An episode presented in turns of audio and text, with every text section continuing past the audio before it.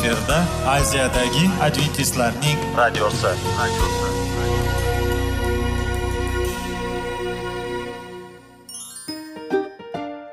Assalomu alaykum aziz radio tinglovchilar. Sog'liq daqiqasi rubrikasiga xush kelibsiz. Zero tananing sog'lom bo'lishi va uning kasalliklardan saqlash har bir insonning burchi hisoblanadi. Inson uchun bebaho boylik bu sog'liq salomatlikdir. Uni asrash esa har birimizga omonat qilib berilgan. Shuning uchun ham inson o'z sog'lig'ini ehtiyot qilishi va ajib amallardan hisoblanadi. Dono xalqimiz sog'liq tuman boylik deb bejiz aytmagan. Aql idroq sohibi bo'lgan inson o'z hayotini qadrlashi lozim bo'ladi. Hozirgi kunda qanchalik dori darmonlar ko'paymasin tibbiy muassa sifati shifokorlar vasiyasi tibbiy texnika yaxshilanmasin. Agar insonning o'z salomatligi haqida qayg'urmasa kutilgan natijaga erishib bo'lmaydi va biz sizlarga bizning dasturimizga xush kelibsiz deymiz.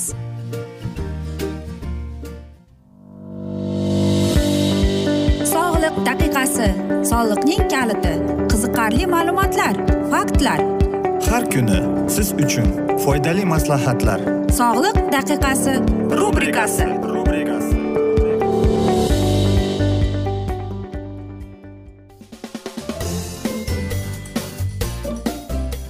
alaykum aziz radio tinglovchilar. Dasturimizga xush kelibsiz va biz sizlar bilan foydali ichimliklar degan dasturda xushvaqt bo'ling deb aytamiz.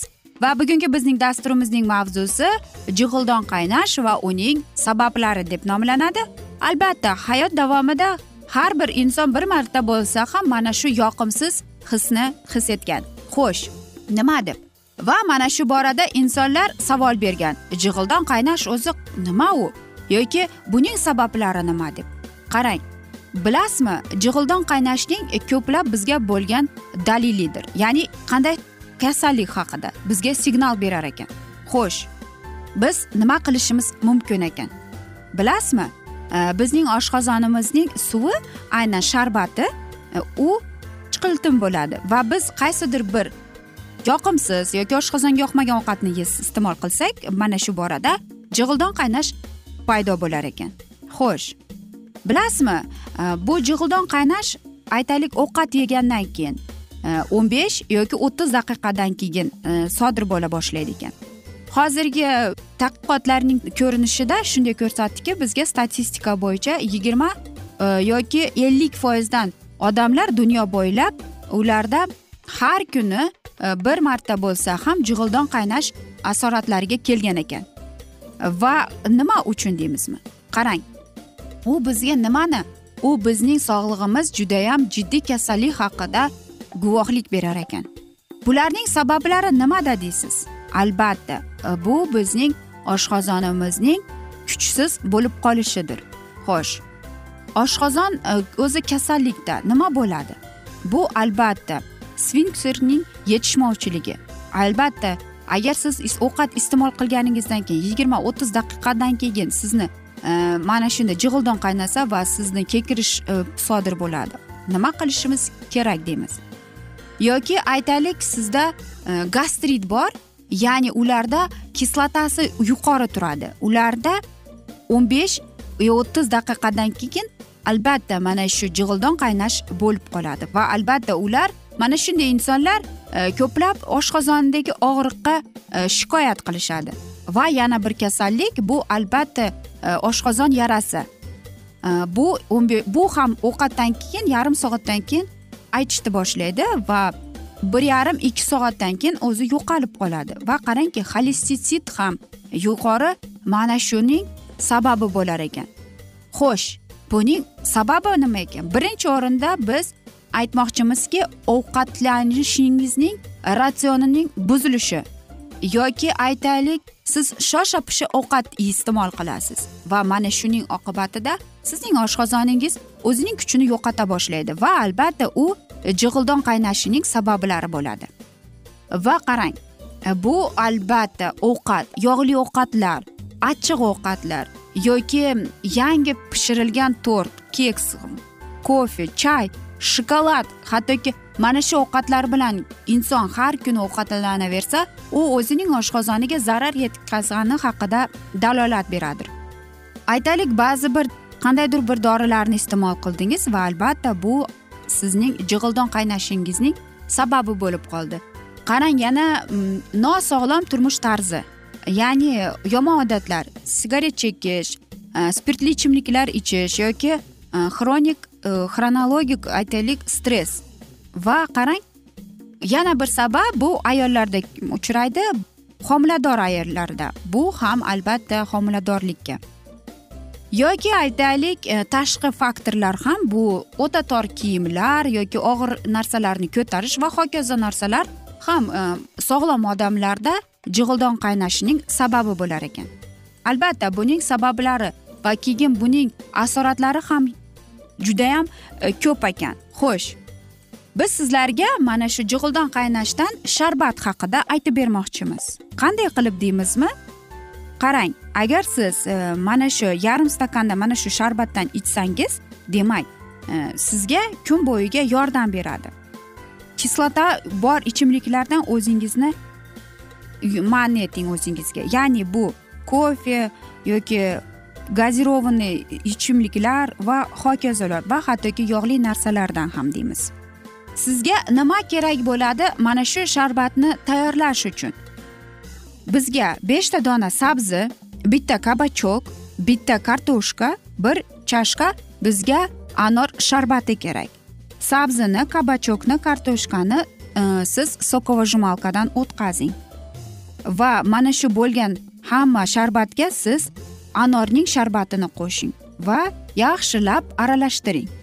Mana shuni muzlatgichga qo'yib va albatta siz tayyor bo'lgan sharbatni muzlatgichga qo'yib har kuni ertalab ertalabmi yarim stakandan uch yoki olti marta bir kunda iste'mol qilishingiz kerak va mana shu sharbat sizga yordam beradi va o'ylaymanki himoya qiladi deb. Bu shar bu sharbat yana nimadan e, yaxshiki? U tozalovchi biz ovqat yegan e, hazm qiluvchiga yordam hisoblanadi. Va agar ichingiz o'tayotgan bo'lsa diareya bo'lib qolgan bo'lsangiz mana shu sharbat sizga yordam beradi. Aziz do'stlar biz shifokor emasmiz. Biz shunchaki sizlarga tabiiy usullar haqida tabiiy dorivorlar haqida aytib beryapmiz. Lekin uni qabul qilish yoki qilmaslik bu sizning tanlovingiz. Va albatta aytishadiki mana shunday asnoda biz aytmoqchimizki bugungi dasturimizga yakun kelib qoldi. Bejiz aytishmagan hamma yaxshi narsaning ham yakuni bo'ladi degandek bizning dasturimizga ham yakun kelib qoldi afsus vaqt birozgina chetlatilgan. Lekin keyingi dasturlarda albatta mana shu mavzuni yana o'qib eshittiramiz va sizlarda savollar tug'ilgan bo'lsa biz sizlarni salomat klub internet saytimizga taklif qilib qolamiz. Va bizni tark etmang chunki oldinda bundanda qiziq va foydali dastur sizni kutib kelmoqda deymiz. Va biz sizlarga sog'lik salomatlik tilab o'zingizni ehtiyot qiling deb xayrlashamiz.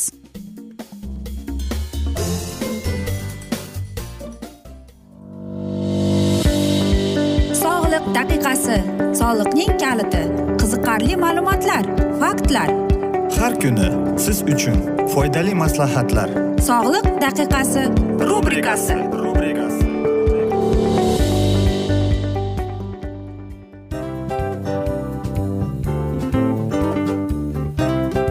Mana ha hayotda hamma narsaning yaxshi narsalar tugaydi va yakunlaydi degandek bizning dasturimizga ham yakun keldi. O'ylaymanki bizning dasturimiz sizga foydali bo'ldi deb aziz radio tinglovchimiz. Va siz o'zingiz uchun kerakli xulosalar kerakli maslahatlar olib oldingiz. Aziz radio tinglovchimiz biz bilan qoling va keyingi dasturlarimiz albatta undanda qiziqroq bo'ladi. Mana shu alfozda sizlar bilan xayrlashib qolaman.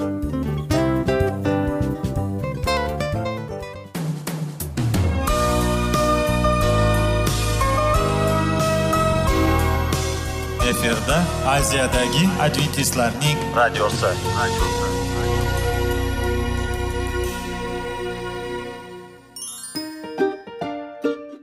Assalomu alaykum aziz radio tinglovchilarimiz. Dil izhori dasturimizga xush kelibsiz. Pul insonni baxtli qiladimi? Albatta yo'q. Sog'liqchi. Albatta bo'lishi mumkindir. Lekin olimlar shuni isbotlashdiki to'liq va mukammal munosabatlar insonlarni baxtli qilar ekan. Albatta biz hayot davomida biz yaqin insonlar bilan odamlar bilan aloqada bo'lamiz va ular bilan munosabatlarimiz qanday kechadi qanday tuziladi? Yigit va qiz er va xotin ota ona va farzandlar va yaqin insonlar bilan. Balkim hozirgi vaqtda kimnidir hayoti yoki munosabatlari buzilyapti va bizning dasturlarimiz ularga yordam bo'ladi deb. Va oldinda sizlarni qiziqarli intervyular va mavzular kutyapti va biz umid qilamizki siz biz bilan qolasiz deb.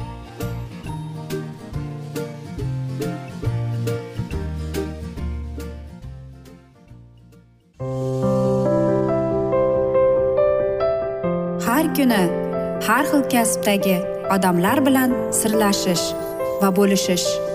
Sevgi rashq munosabat bularni hammasi dil izhori rubrikasida.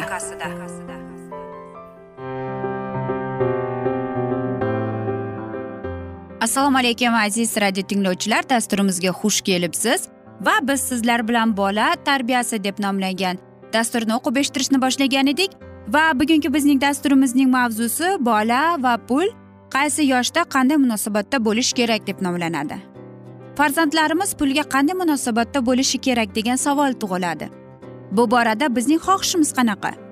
Bular ahamiyatsiz savol emas ularga yana bir qancha qo'shimchalar qilish mumkin.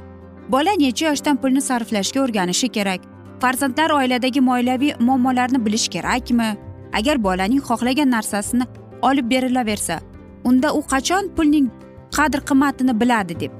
Hammamiz farzandlarimiz pul bilan to'g'ri munosabatda bo'lishini uning qadrini bilishini lekin muqasdan ketmasligini pulni ishlatishini biroq behudaga sarflamasligini tejamkorlik qilishni ammo xasis bo'lmasligini xohlaymiz. Bunga qachon va qanday o'rgatish kerak? Farzandlarimiz pulga qanday munosabatda bo'lishi kerak deymiz. Albatta biz bunga ko'plab savollar beramiz. Lekin Э, afsuski bolalar do'stlari bilan sinfdoshlari bilan bo'lib qolganda u e, mana shunday qaysidir bir bolalari boshqa bir behuda narsaga sarflayotganini ko'rib albatta u ham men ham kam bo'lmaydi deb sarflaydi. Ruhshunoslarning e, gap gapi va bolalarda aytishda bolalarda ko'p ishlatishda tajribaga ega bo'lgan pedagogiklarning bu javoblarida qat'iy ekan yo'q. Bu javobni esa ular shunday izohlashadi. Maktabgacha yoshda bo'lgan bolalar doim ota onalari bilan yurishadi. Barcha sarf xarajatlarini ular uchun kattalar amalga oshiradi. Bolalar bog'chasida esa ularga o'zlarining pullari kerak bo'lmaydi. Bu yoshda pulga bo'lgan talab jamoada o'z o'rnini egallashni istashida namoyon bo'ladi deydi. Lekin bunday o'zligini ko'rsatish bola fe'lining rivojlanishiga salbiy ta'sir qiladi.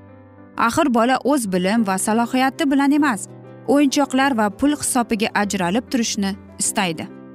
Kichkintoyni bolalarga xos bo'lmagan imtiyozlar bilan ta'minlash ularni ruhiy rivojlanishiga aks ta'sir ko'rsatadi. Bunda me ular mehnat va mashaqqatlarsiz hamma narsaning tayyoriga ega bo'lishning o'rganib qolishadi deyishadi ruhshunoslar.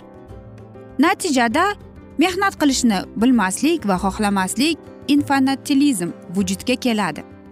Bir qarashda o'yinchoqdek bundan tashqari do'kondan biror bir nima sotib olishi ham mumkin.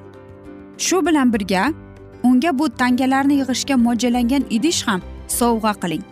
Bu idishga pul solib o'zi yoki yaqinlariga sovg'a olish uchun yig'ilish e, mumkinligini tushuntiring. U yiqqan pullaridan e, o'zi erkin foydalanishi mumkinligini lekin ota ona taqiqlagan narsalarni sotib olmasligini bilsin. Agar oilada xayr ehson kabi qilish kabi odatlar bo'lsa bunga farzandingizni ham jalb eting. Bu ishlarni nima uchun qilayotganingizni gapirib bering. Bolaning ongida ro'zg'ordan pul ortganida boshqalarga ham yordam berish mumkinligi haqida fikr paydo bo'ladi. Lekin boy odamlar puldor haqida aslo gapirmang. Buning oqibatida bolada hasadgo'ylik kabi tuyg'ular paydo bo'lishi mumkin deydi. Suhbat davomida farzandingizni oilangizdagi tejamkorlik qoidalari bilan asta sekin tanishtirib boring. Va bunday qoidalarga hamma yaxshi odamlar amal qilishni alohida ta'kidlab o'ting. Eng asosiy oiladagi pullarning barchasi ota onaning mashaqqatli mehnatlari evaziga kelganini tushuntiring. Bolada a'lo baho ya'ni aniqrog'i uchun emas balki faqat ona ota onaga kerak degan fikr paydo bo'lishi mumkin. Pul berishmayaptimi? Demak ularga bu nima uchundir kerakda? Bola o'qishga emas baho olishga qiziqib qoladi. Ko'proq pul olish va ota onasini xafa qilmaslik uchun ayyorlik qilishni boshlaydi va yomon baholarni bekitadi. Uy ishlariga qarashgani uchun pul berilishini ham tavsiya etmagan bo'lardik. Oilada mehr bir birini tushunish va qo'llab quvvatlashish birinchi o'rinda turishi kerak. Pul evaziga ishlarni bajargan bola yolg'ondan ishchi bo'lib qoladi. Bu esa oilaning prinsiplariga to'g'ri kelmaydi. Shuningdek bola hamma pulni ishni pul evaziga bajarishga o'rganib qoladi. Ish buyurganingizda xo'p bo'ladi oyijon demay qancha berasiz deb turishi xohlamaysiz axir to'g'rimi? Albatta bola va pul bu juda qiyin masala. Ayniqsa hozirgi mm, yigirma birinchi iqlimda to'g'rimi?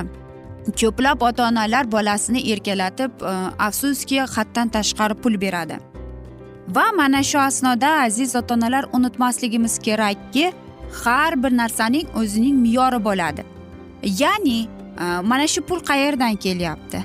Qanday mehnatning evaziga kelyapti? Unga pul to'playdigan kopilka hadya qiling.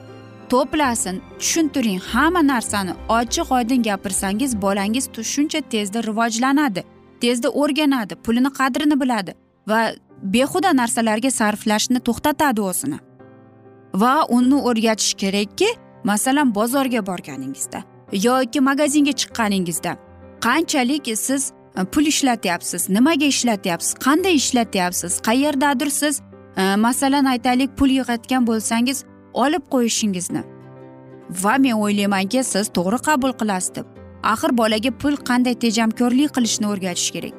o'n uch o'n to'rt o'n ikki yoshidan boshlab. Bola hech qachon u aytadiku bola hech qachon katta bo'lmaydi deb. Tekinlikka o'rgatmang bolangizni. Mehnat evaziga pul berishni ham o'rgatmang. Aziz do'stlar mana shunday asnoda aytishadiki hamma yaxshi narsaning ham yakuni bo'ladi degandek bizning dasturimizga ham afsus yakun kelib qoldi. Chunki vaqt birozgina chetlatilgani sababli lekin keyingi dasturlarda albatta mana shu mavzuni yana o'qib eshittiramiz. Va umid qilamiz siz bizni tark etmaysiz deb. Chunki oldinda bundanda qiziq va foydali dasturlar kutib kelmoqda sizni va biz sizlarga va oilangizga tinchlik totuvlik tilab yuzingizdan tabassum hech ham ayrimasin deymiz. Seving seviling deb xayrlashamiz.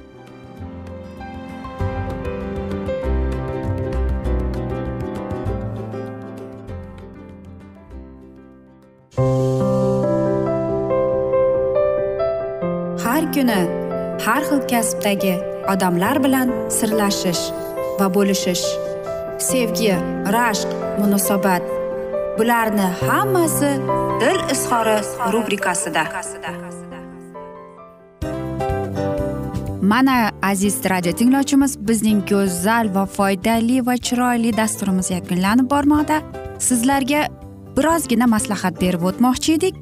Bir biringizni seving. Qadringizga yeting. Va erkalang albatta bir biringizni va sizga judayam chiroyli va mustahkam munosabatlar tilab qolamiz albatta. Sevgilingiz doimo yoningizda bo'lsin. Mana shu borada sizlar bilan xayrlashib qolamiz. Xayr.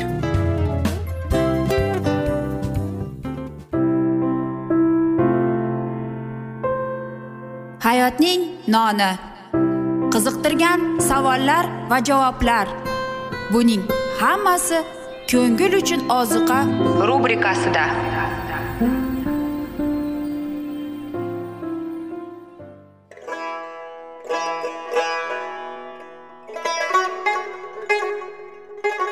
Assalomu alaykum aziz radio tinglovchilarimiz.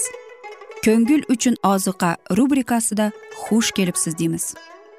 Siz haqiqatni izlayapsizmi? Olamnimi? Umidnimi? Siz kimga murojaat qilmoqchisiz? Odamlar ko'pincha siyosat kuchiga tayanadilar. Dunyo iqtisodiyoti holati tobora chuqurlashib bormoqda. Tabiiy ofatlar va texnogen halokatlar minglab insonlarning hayotini olib ketib juda katta zarar yetkazmoqda. Sizga abadiy hayot inomini hadya qiluvchi va hayotingizni tubdan o'zgartiruvchi haqiqatni izlab toping. Xudo haqidagi haqiqat uning kalomida mujassamlashgan. Kimki bu haqiqatni butun qalbi bilan izlasa albatta unga yetishadi. Bu sevgi xudoning tarixidir. Hayotingizda yoki sizning yon atrofingizdagi olamda nimalar yuz berishidan qat'iy nazar? Siz ertagi kunga buyuk umid va ishonch hosil qilishingiz mumkin. Hozirda xudo sizga taklif qilayotgan umid ishonchga o'z qalbingizni oching va sizni qiziqtirayotgan mavzularni savollaringizga javoblaringizni topib olasiz deb umid qilamiz. Biz bilan qoling.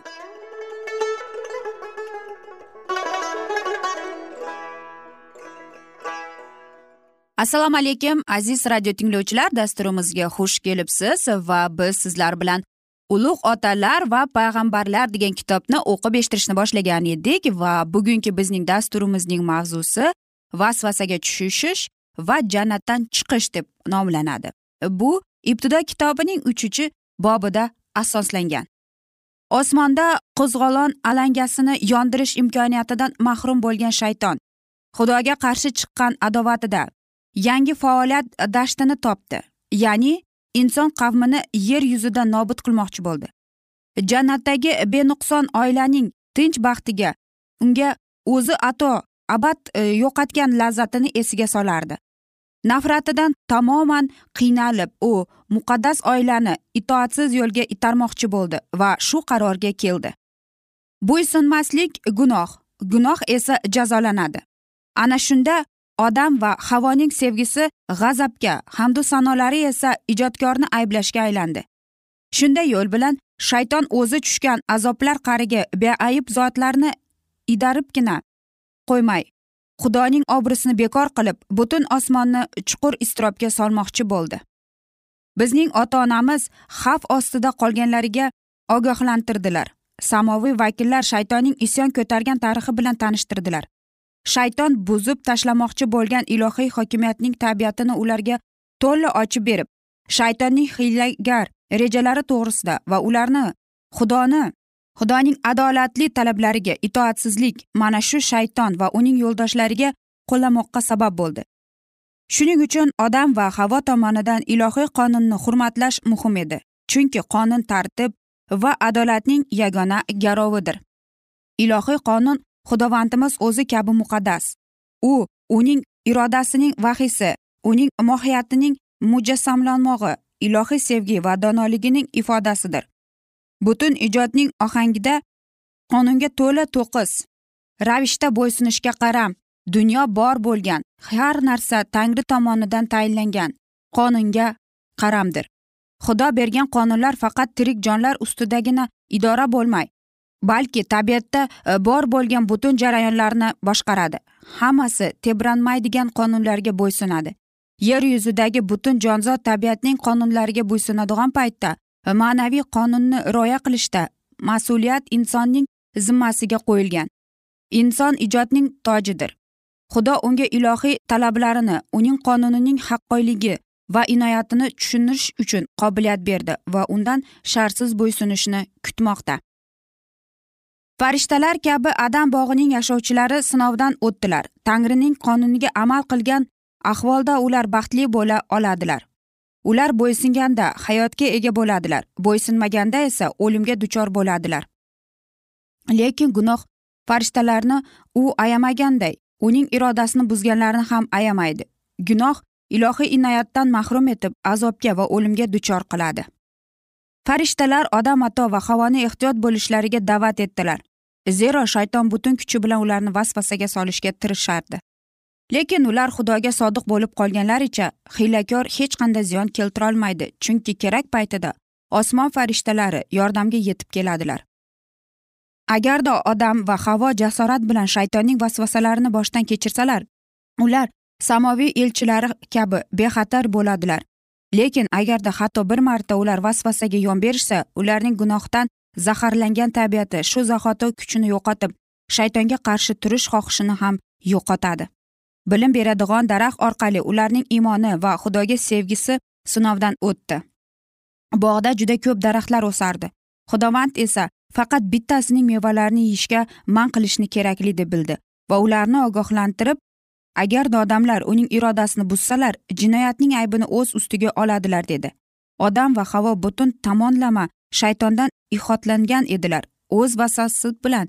U faqat man etilgan daraxtni oldida ularga yaqinlasha olar edi va bilim beradigan daraxt oldida yaqinlashib ko'rganlarida ular hiylagarning hujumiga duch keladilar.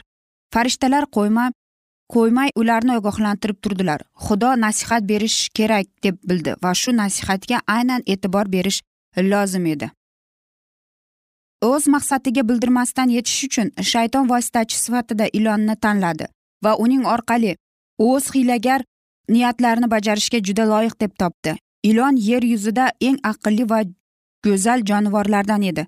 U uchganida qanotlarini olti kabi yaltirar va nodirlik bo'lib qoyil qoldiradigan tomosha edi. Mevaning serobligidan egilgan man etilgan daraxtning shoxida joylashib va lazzatli mevadan rohatlanib u o'ziga e'tiborni jalb qilmoqqa tirishardi. Tinchlik bog'ida bekinib aldoqchi o'z qurbonini kuzatar edi.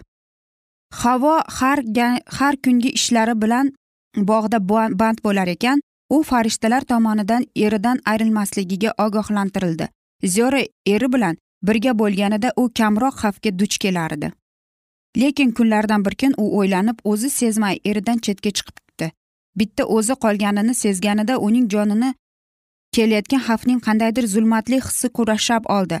Lekin u tezlikda unda paydo bo'lgan dahshatni haydab yubordi va yomonlikni ajratib unga qarshi turish uchun aqlli va kuchi yetarli deb xulosaga keldi. Farishtalarning ogohlantirishini esdan chiqarib u shu payt man etilgan daraxtga yaqinlashdi va unga qiziqish hissiga hayraxonlik qo'shilgancha daraxtga nazar soldi. Aziz do'stlar hamma yaxshi narsaning ham yakuni bo'ladi degandek afsuski bizning dasturimizga ham yakun kelib qoldi. Lekin keyingi dasturlarda albatta mana shu mavzuni yana o'qib eshittiramiz va sizlarda savollar tug'ilgan bo'lsa biz sizlarni adventis tochka ru internet saytimizga taklif qilib qolamiz. Va umid qilamizki siz bizni tark etmaysiz deb chunki oldinda bundanda qiziq bundanda foydali dasturlar kutib kelmoqda va albatta biz sizlarga va oilangizga tinchlik totuvlik tilab o'zingizni va yaqinlaringizni ehtiyot qiling deb xayrlashib qolamiz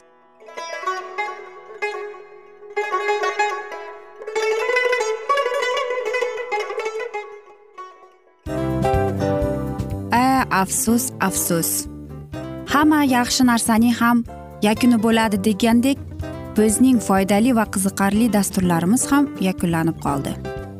Va men umid qilamanki bizning dasturlar sizga ozgina bo'lsada maslahat berdi foyda berdi. Va sog'liq borasida ayniqsa sizlarga foydali bo'ldi deb. Va siz bizning maslahatlarga amal qilasiz deb. Albatta keyingi dasturlarda undanda qiziqroq undanda foydaliroq ma'lumot berishga harakat qilamiz. Undada qiziqroq ko'rsatuvlar sizlarga hadya etishga harakat qilamiz. Bizni tanlaganingizga albatta sizlardan minnatdormiz. Sizlarga baxt omad va sog'liq tilab qolgan holda mana shu alfozda sizlar bilan xayrlashib qolamiz. O'zingizni ehtiyot qiling sog' bo'ling omad sizga xayr.